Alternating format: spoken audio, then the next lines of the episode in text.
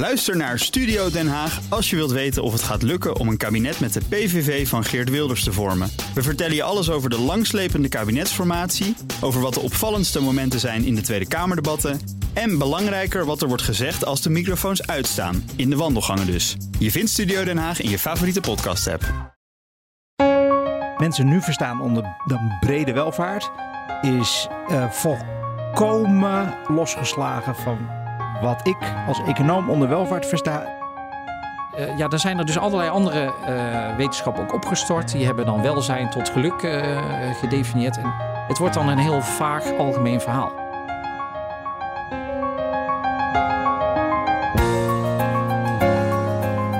Hoe welvarend is Nederland?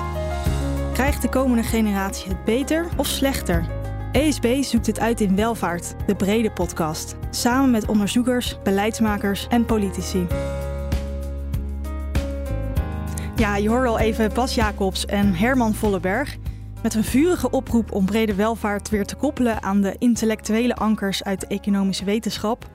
Bas en Herman die zijn uh, diep met elkaar in gesprek geraakt. En zelfs na de oorspronkelijke opname hebben ze in de studio nog een tijd met elkaar uh, doorgepraat. Ik moet zeggen, het was een gesprek uh, op zeer hoog niveau en daardoor misschien niet uh, voor elke luisteraar even goed te volgen.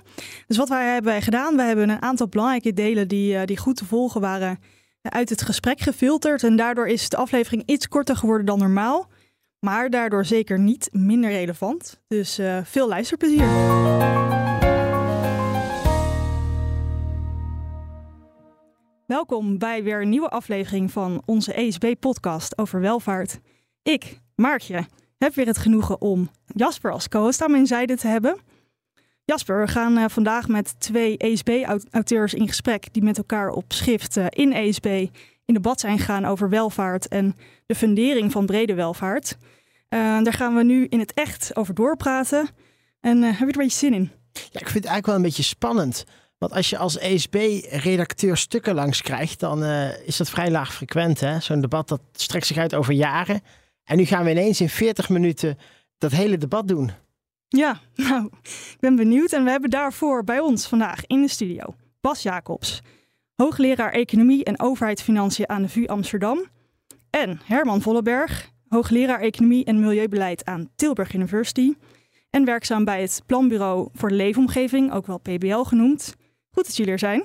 Maar voordat we beginnen over uh, jullie artikelen van vandaag, ben ik eigenlijk in eerste instantie even kort benieuwd wat jullie reactie is op een beetje de hype die wel lijkt te ontstaan over brede welvaart. Dus er is geen uh, symposium meer wat, wat niet de titel brede welvaart kent.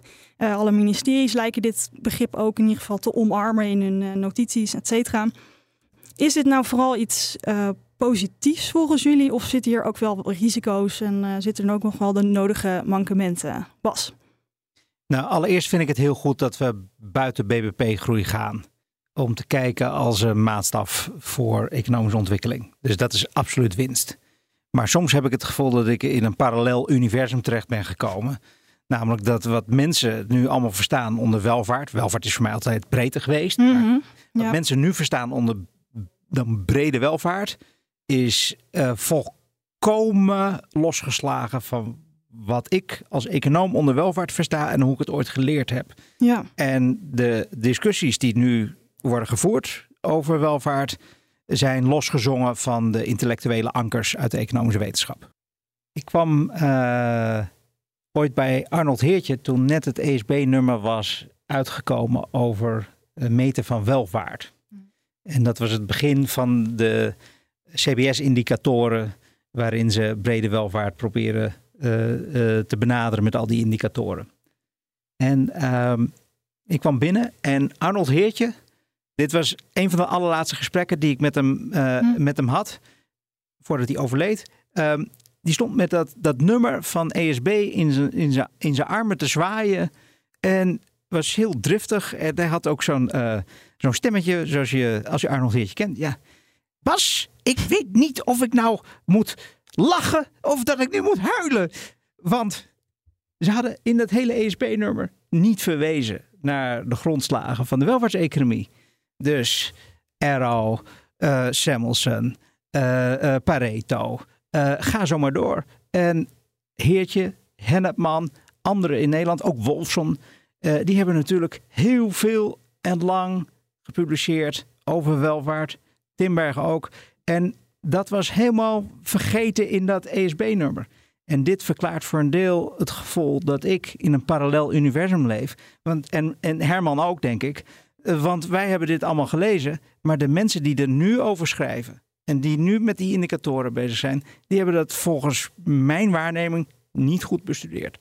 Ik, ik ben het eh, daar ook wel mee eens. Dus ik, ik vind uh, dat, de, dat het heel goed is dat we die discussie voeren. Ik ben zelf vanuit mijn rol bij het PBL eh, betrokken bij de studiegroep begrotingsruimte uh, en nog wat discussies rond bij EZK. En dan schrik ik eerlijk gezegd wel van die verenging die nog altijd bestaat tot het terugbrengen van, laat ik zeggen, de klassieke uh, benadering in de economische wetenschap tot uh, BNP-groei. En, en, en zeg maar ook de, de, openbare financiën in dat licht. Dus dat daar een, een, stap wordt gezegd richting brede welvaart, kan ik alleen maar toejuichen. maar ja, ook, ook ik zie uh, van alles gebeuren nu rond brede welvaart. En uh, ik denk dat enige, enige intellectuele diepgang hier wel geboden is. Ja, ja. En jullie, uh, ja, dat, dat, dat was in de inleiding al even genoemd, maar jullie hebben in ESB ook een, heeft Bas Jacobs een stuk geschreven met de titel Het beleidsdebat over welvaart mist theoretische fundering. Daar kwam dan vervolgens later een reactie van, van Herman op. En ik zou eigenlijk uh, jullie gewoon als auteurs eerst zelf willen vragen om gewoon even jullie eigen artikel toe te lichten, zodat de luisteraar ook weet uh, waar we het over hebben. Uh, dan begin ik even bij Bas. Ja, nou, mijn, mijn artikel moet vooral gelezen worden als een cri de coeur om terug te gaan naar de basis in de economische wetenschap, hoe er nagedacht zou moeten worden over welvaart. En het is een, een kritiek op de manier waarop er nu gepraat wordt over welvaart. Uh, die vooral lijkt neer te komen op het verzamelen van allerlei indicatoren. Mm. Ik weet niet waar, hoeveel, hoeveel het CBS inmiddels staat, maar meer dan 100 volgens mij. En uh, dat dan brede welvaart te noemen. En dan uh, sommige mensen tellen dan ook nog op een bepaalde manier die indicatoren bij elkaar op. Om tot een kwantificering te komen. En mm -hmm. dan iets te zeggen over, nou ja, de brede welvaart is, uh, is 10 of uh, 15, weet ik het. Maar in die optelling gaan allerlei oordelen een rol spelen over hoe belangrijk verschillende indicatoren zijn. En uh, ik dacht, uh, toen ik dat soort dingen zag gebeuren, we moeten terug naar de basis. Mm -hmm. De basis is vanuit de economische wetenschap dat welvaart gebaseerd is op het nutsbegrip, mensen ontlenen, behoeftebevrediging aan schaarse goederen. Ja. En dat staat centraal de schaarste en dus die, die behoeftebevrediging. Dat is ook breed. Want het gaat dus niet alleen om materiële consumptie waar mensen nut aan ontlenen. Maar ook aan vrije tijd of tijd in ruimere zin die niet besteed wordt aan werken. Maar ook aan zorg voor naaste uh, uh, vrijwilligerswerk. het kan ook de kwaliteit van het milieu en de leefomgeving zijn. Het klimaat veiligheid, de verdeling van middelen in een economie, de risico's in een economie. Dat zijn allemaal uiteindelijk schaarse goederen waarvoor we een offer moeten brengen om ze voor te brengen. Dus dat hoort bij welvaart. Mm. En je moet iets, iets zeggen over hoe je de welvaart van verschillende mensen uh, waardeert en weegt. En daar heb je normatief ethische oordelen voor nodig voor. Zeg maar een theorie van verdelende rechtvaardigheid om dat op een of andere manier te kunnen aggregeren. En dus dit is voor mij de basis. Ja. En in de manier waarop nu wordt nagedacht over, over welvaart, zie ik ook een aantal, je zou kunnen zeggen, uh, theoretische uh, uh, missers. als in dubbeltellingen in mm -hmm. indicatoren. Namelijk, stel je neemt inkomen of consumptie als een maatstaf voor welvaart. Ja, dan kan je daarnaast ook nog vermogen hebben, maar vermogen is toekomstige consumptie. Dus uh, ben je niet allerlei dingen bij elkaar op aan tellen, die dan twee keer tellen. Of je kijkt naar uh, het aanbod van productiefactoren, is in de meeste economische theorieën verlagend voor de welvaart. Als je harder moet werken, ja, dat de meeste mensen ontlenen daar minder dan nut aan. En, en dat wordt dan door het CBS gezien als welvaartsverhogend, ten principale. Dus, dus ik had zoiets van, ja, we moeten nadenken over welke indicatoren we van belang vinden van de welvaart. En we moeten ook uitleggen vanuit de economische theorie of ze bijvoorbeeld de welvaart verhogen of verlagen. En we moeten dat in zeg maar, een economisch raamwerk zitten. Dat, dat, je zou kunnen zeggen, als je een economisch model maakt, dan doe je dat automatisch. Dan begin je met voorkeuren, dan begin je met technologieën, mm -hmm. restricties, budgetrestricties. En dan heb je daar een raamwerk omheen gebouwd. Maar dat raamwerk ontbreekt in die, in die, in die indicatoren van het CBS en daar had ik moeite mee. Ja, nou genoeg volgens mij straks om verder over door te vragen. Um, maar eerst even dan kort ook nog naar Herman.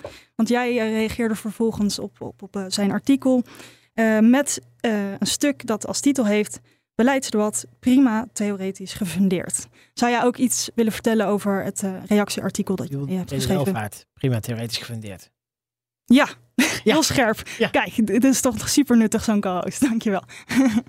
ja, dus ik, laat ik het zo, laat ik eerst positief beginnen. Dus ik, ik, ik denk dat ik grotendeels principieel zeg maar eens ben met Bas dat, dat, dat het debat nu, uh, ja, als je dat goed gaat lezen, dan gaat het alle kanten uit. Dus we, dat, dat is ook goed te verklaren. Dus er is zeg maar een ontwikkeling geweest in het welvaartsdenken uh, in de richting van wat ik noem welzijnsdenken. Ja, dat heb ik niet verzonnen, maar dat is zeg maar Hennepman die al in zijn proefschrift in 45 dat onderscheid ook heel scherp maakte. Dus BNP gaat over welstand, welvaart gaat in feite over wat wij onder schaarste uh, verstaan. Uh, ja, wat, wat voor ons relevant is als, als we over onze middelen beschikken.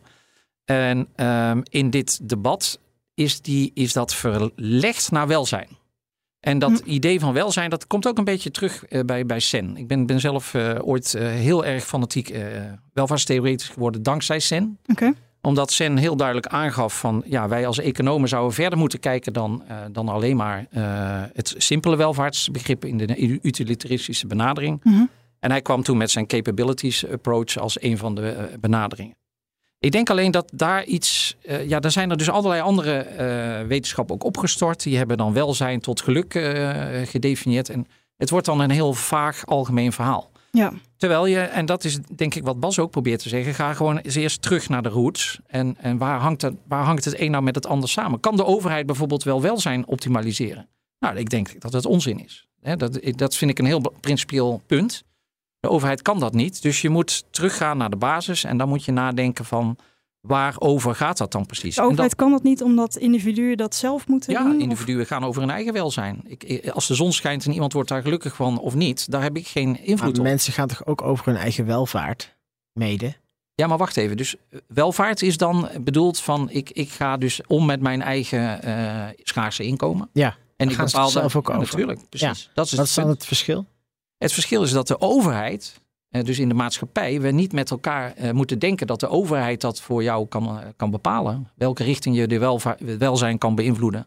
Dus je moet daar weer terug naar de. Nou ja, dat is wat Bas ook zegt. Terug naar de basis. dat is de schaarste. Ik, ik, begrijp er nu echt helemaal niks meer van. Okay. um, ik, ik dacht altijd dat welvaart dingen waren die uit een welvaartstraditie van Heertje en Hennepman kwamen. Die ontleend zijn, die, die schaars zijn. En dat welzijn een iets bredere indicator is van alles wat we belangrijk vinden. Nou, dat, dat, dat zal, zal, ik, dus zal ik Herman proberen uh, tegemoet te treden? Ja. Dat, ja. Zoals ik het altijd begrepen heb, gaat welzijn ook over alle niet schaarse dingen. Dus de, zon, de zon waar we gelukkig van worden, ja. Uh, uh, daar hoeven we geen offer voor te brengen. En het welvaartsbegrip omvat alles wat wel een offer vergt. Juist, oké. Okay. Precies. Maar, dan, maar dat is heel breed. Ja.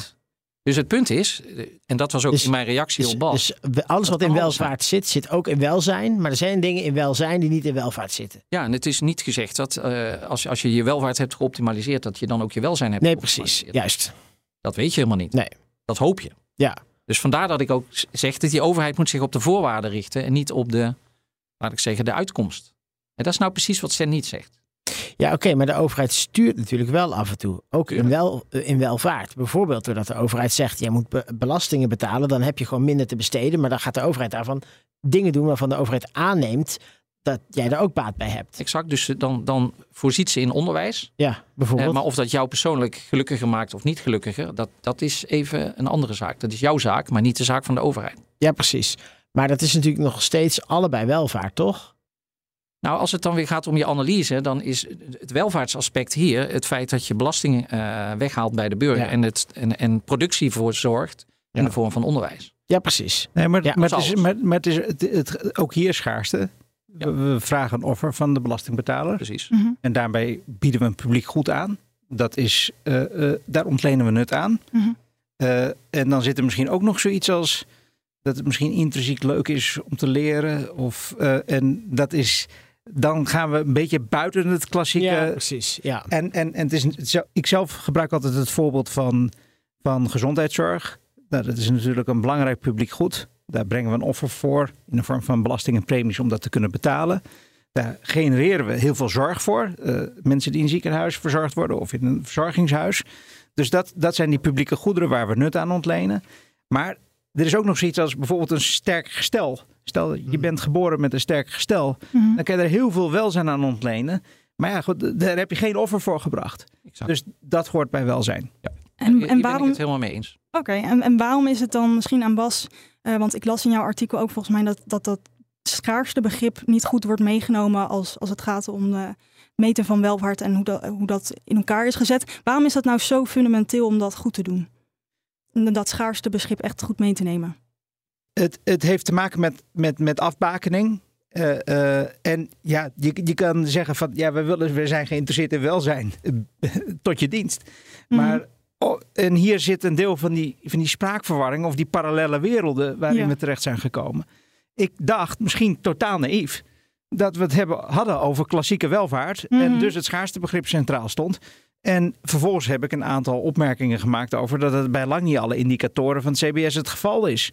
Dat ze dus tamelijk willekeurig een aantal indicatoren in die lijst heeft opgenomen waar schaarste geen rol speelt. Dat vond ik raar en dat heb ik opgeschreven. Dus kijk, maar, niet maar ik zeg daarmee niet dat die indicatoren niet belangrijk zijn. Mm, en niet, niet belangrijk zijn voor ons welzijn of ons geluk, wat nog groter is. Ik dacht alleen dat we het over welvaart hadden. Ja, maar wel, welvaart is dus dat nog niet zuiver genoeg afgebakend. Uh, is dat, dat kan het zo uh, ik, ik, begon te redeneren vanuit het economisch welvaartsbegrip waarin schaarste een rol speelt. En als mhm. je dan allerlei indicatoren indicatoren gaat opnemen waarin dat niet het geval is en dat toch welvaart noemt, vond ik dat gek.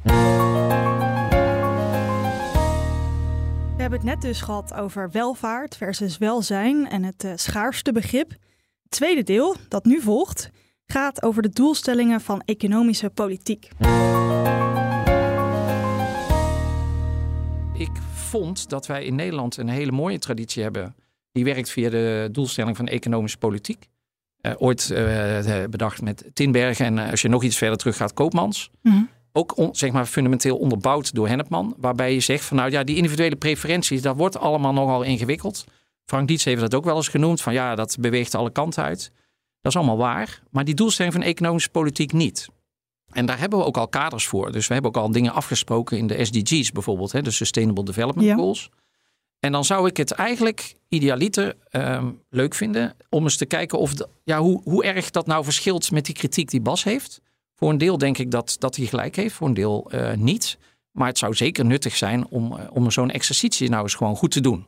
Dus als je iets wil doen in termen van het kwantificeren van de welvaartswinsten van een beleidsmaatregel, uh, de som van van alle netto baten, die kunnen positief of negatief zijn, dan moet je die wegen op een bepaalde manier voor de mensen die uh, in de samenleving zijn. En die sociale welvaartsfunctie, die maakt eigenlijk een kwantificering van hoe zwaar je de verschillende mensen weegt in de samenleving.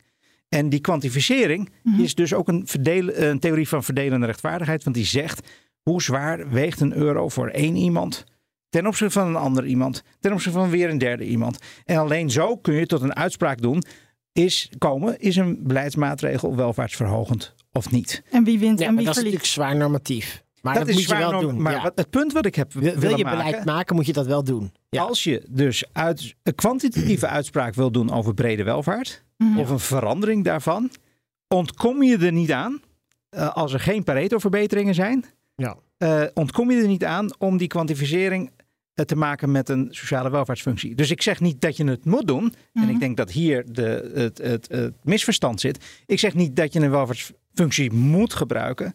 Ik zeg alleen dat als je de welvaart wil kwantificeren, de brede welvaart wil, mhm. dat je er niet aan ontkomt om een welvaartsfunctie. Ja, als je hem wil gebruiken om te sturen, dan zul je moeten kwantificeren. Precies. En dan heb je een, uh, ja, dan moet je gewoon gewichten toekennen. Hoe, hoe belangrijk Precies. mensen dingen vinden, maar ook hoe belangrijk je verschillende mensen vindt. Dat doe je. En als je dat niet expliciet doet, dan doe je het wel impliciet. En ik wil graag Samuelson aanhalen hier, eh, die zegt in zijn Foundations of Economic Analysis, ik weet het precieze citaat niet uit mijn hoofd, maar hm. hij zegt zoiets als: het is een volkomen legitieme exercitie voor economen om de gevolgen van verschillende rechtvaardigheidsoordelen uh, door te exerceren met een sociale welvaartsfunctie, zonder zelfstelling te nemen over wat nu de juiste sociale welvaartsfunctie is. Wat de juiste sociale rechtvaardigheidstheorie is. Uh, maar als je een uitspraak wil doen, kwantitatief over welvaart, dan ontkom je er niet aan om zoiets te doen. We kunnen prima spreken over in kwalitatieve zin over aspecten van welvaart. We Mhm. hebben dus verschillende goederen, schaarse goederen waar we nut aan ontlenen. Uh, we kunnen prima spreken over deze goederen, maar we weten alleen niet precies hoe we ze bij elkaar op moeten tellen. Ja. En dat vind ik prima om te doen. Ik zeg alleen, en ik herhaal mijn punt, Ja. als je dan een uitspraak wil doen, een kwantitatieve uitspraak over brede welvaart, ga je optellen en dan heb je dus een waardering nodig. Van Ja. hoe je belangrijk je het ene vindt ten opzichte van het andere. Ja, dus ik, ik, dat, dat kun je doen. Maar ik denk dat die weg dus eh buitengewoon complex is. Ja, dat zeg ik. Dat ben ik met je eens. Dus, dus, dus, dus was mijn idee om dat simpeler te doen. eh, Ja. Via de doelstelling van economische politiek. En, en dan inderdaad verlies je die, die link met de individuele welvaart. Maar heb je wel zeg maar, de mogelijkheid om, om scores te, eh, te doen. Net zo goed. Maar dat is misschien niet helemaal maar in de maar wacht even, maar, maar, hier, hier- maar dit vind ik dan ingewikkelder. Want, Want eh, laten de- we even een voorbeeld de- nemen als klimaatbeleid. Hè? Dat, dat, daar zit ik goed in. En jij eh, denk Ja. ik ook. Dus we spreken met elkaar een doelstelling af om eh, reductie van CO2 te doen. Dan is dat een maatschappelijke doelstelling. Of dat door alle burgers wordt gedeeld, dat is even een aparte vraag. Daar kan je eh, een aparte Mhm. analyse van doen. Maar je kan overheidsbeleid evalueren op het feit dat wij die, die, die doelstelling eh, al of niet nastreven. Ja, maar hier, hier, eh, hier is het ingewikkelder geworden dat traditioneel vanuit het klassieke welvaartsbegrip we kijken naar maatschappelijke uitkomsten.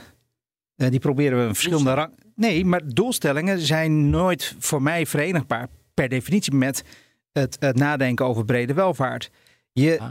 eh, je, je, je, de welvaartsfunctie, ik blijf, blijf denken in die Dit is een welvaartsfunctie. nuttige discussie. Nu begin ik het te begrijpen. Die welvaartsfunctie geeft een rangorde van maatschappelijke uitkomsten. Eén uitkomst kunnen we als beter zien dan een ander. Maar op het moment dat je de doelstelling al hebt opgelegd, heb je dus blijkbaar al een impliciete rangorde opgelegd van streven naar bijvoorbeeld CO2-vrije samenleving. Vinden wij een betere maatschappelijke uitkomst dan alle anderen? En dat vind ik een ingewikkelde. En daarmee, dat- daarmee worden, worden middelen en doelen. Ik bedoel, vanuit Nee, dat- welvaartstheorie nee, daar kijk, je, kijk je alleen naar de, de vergelijking van de uitkomsten. En eigenlijk zeg je dat de, de, de middelen eh, en de uitkomsten alle twee een rol spelen. En dan wordt het vaag, wordt het mistig, wordt het Nee, nee dat, ben ik, onlogisch. ben ik dus echt niet met je eens. Ik, ik, ik denk dat je twee dingen splitst die, die de discussie makkelijker maakt. Dus je, je bent expliciet over je maatschappelijke doelstelling. Die kan je evalueren. Daar kan je zelfs een kostenbatenanalyse op loslaten. Dat is ook wat economen eh, doen. Hè? Dus eh, in Mhm. de Noordhouse-traditie wordt er naar zesgradige eh, eh, temperatuurstijging gekeken. En dat wordt dan afgewogen tegen andere dingen. Dat kan. Dat is één interpretatie van zo'n doelstellingsfunctie. Maar je kan die doelstelling net zo goed gebruiken om hem af te wegen tegen andere kwantitatieve doelstellingen.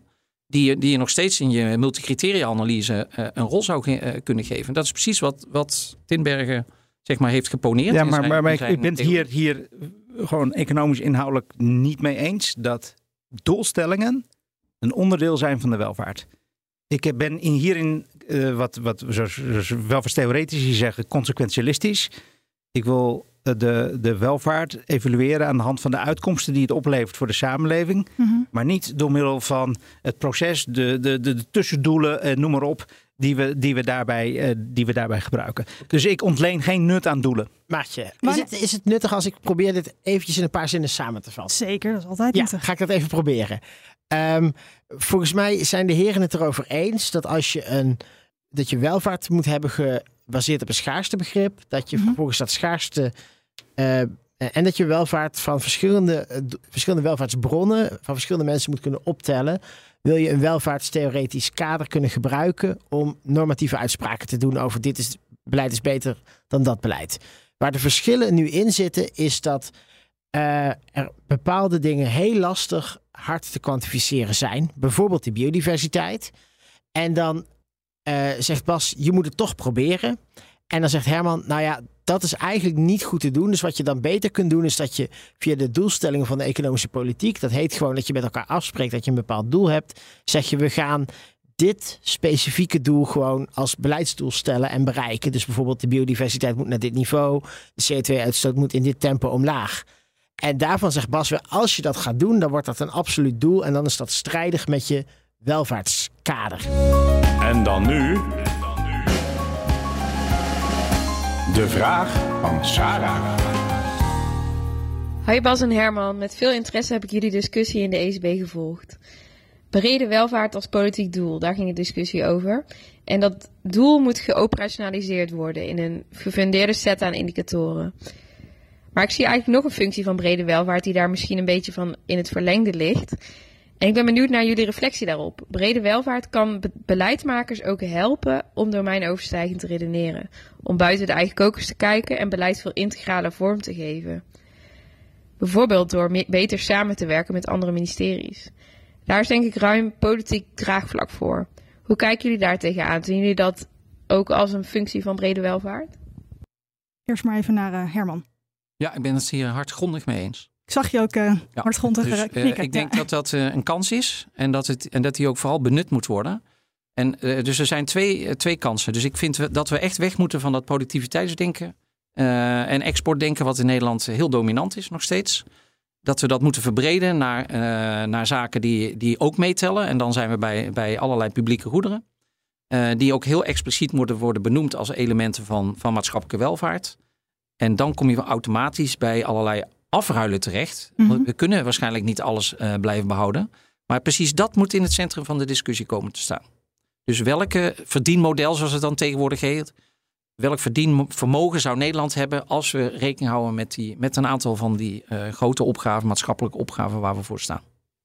Was uh, aan jou ook de vraag, kan brede welvaartsdenken verkokering tegengaan? Misschien ook bij ministerie bijvoorbeeld, wat denk jij? Ja, dat kan zeker. Ik hoop het ook echt. Ja. Ik zie te veel voorbeelden van waarin dat niet gebeurt. Een, een heel klassiek voorbeeld is het ministerie van Financiën en Milieubelastingen vooral beoordeeld op basis van de opbrengst die het genereert, maar niet op basis van, van, van de milieukwaliteit. En dat ja. ze er eigenlijk, eigenlijk milieuinstrumenten willen hebben die niet werken.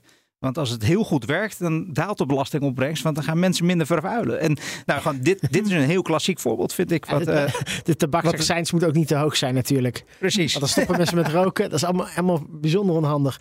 Um, andere vraag nog even. Ik heb nog even na zitten denken over jullie discussie. Die, die, jullie hadden over het één indicator. We hebben in Nederland dat groeifonds. En dat groeifonds, het doel daarvan is eigenlijk... Het moet leiden tot economische groei, zo'n groeifonds. Um, BNP-groei. BNP-groei, ja, BNP-groei. Ja, um, dat, dat, is echt onzin. Eigenlijk. Nu kun je natuurlijk zeggen, luister, al die brede welvaartsdingen zijn allemaal best wel lastig te kwantificeren. Laten we in de doelstellingen van de economische politiek gewoon een doel kiezen. Indachtig het verhaal van Herman. Laten we gewoon één ding doen wat gewoon focust op BBP-groei. Ja, hoe kijken jullie daarnaar? Eh, ik, als ik eerlijk ben, ja? uh, was ik geschokt toen ik erachter kwam dat dat letterlijk het criterium is voor het groeifonds. Ja. Dat er een effect moet worden vastgesteld op het BNP-groei. Ja, dat, daar, daar kan ik als, als, als welvaartstheoreticus helemaal niks mee. Bas? Helemaal eens. En het was toen de plannen van het groeifonds bekend waren, dat alleen BBP-groei als criterium uh, uh, werd genomen, dat ik me behoorlijk heb opgewonden over dat dit onzin was. Mm. En dat je naar een kostenbatensaldo moet kijken. Dus in brede zin alle maatschappelijke opbrengst en kosten. En dat het leidende criterium moest zijn. Toen hebben ze godzijdank dat toegevoegd als criterium, maar niet de, het groeicriterium geschrapt.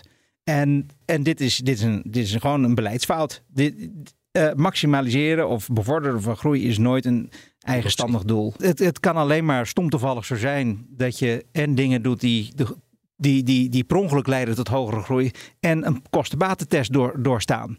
Maar als je, neem maar, een, een, een, een klimaatinterventie hebt die ertoe leidt dat we enorm CO2-uitstoot uh, reduceren maar geen enkel effect heeft op de groei. Dit is een hypothetisch voorbeeld. Hmm. Dan komt het niet door de beoordelingscommissie van het Groeifonds, terwijl het wel een maatschappelijke baten, kostenbatentest uh, doorstaat. En dit soort fouten krijg je met de opzet van het Groeifonds zoals het nu is.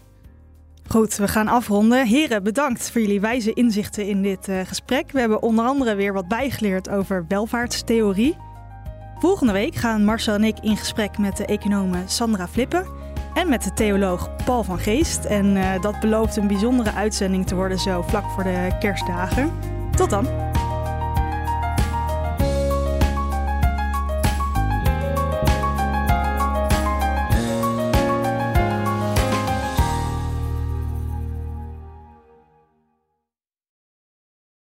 Ook Liesbeth Staats vind je in de BNR-app. Ja, heel handig. Luister live naar Kees en mij tijdens de Daily Move. Dan blijf je ook gelijk op de hoogte van breaking news en het laatste zakelijke nieuws. En daar vind je ook alle BNR-podcasts, waaronder de Perestrooikast. Download nu de gratis BNR-app en blijf scherp.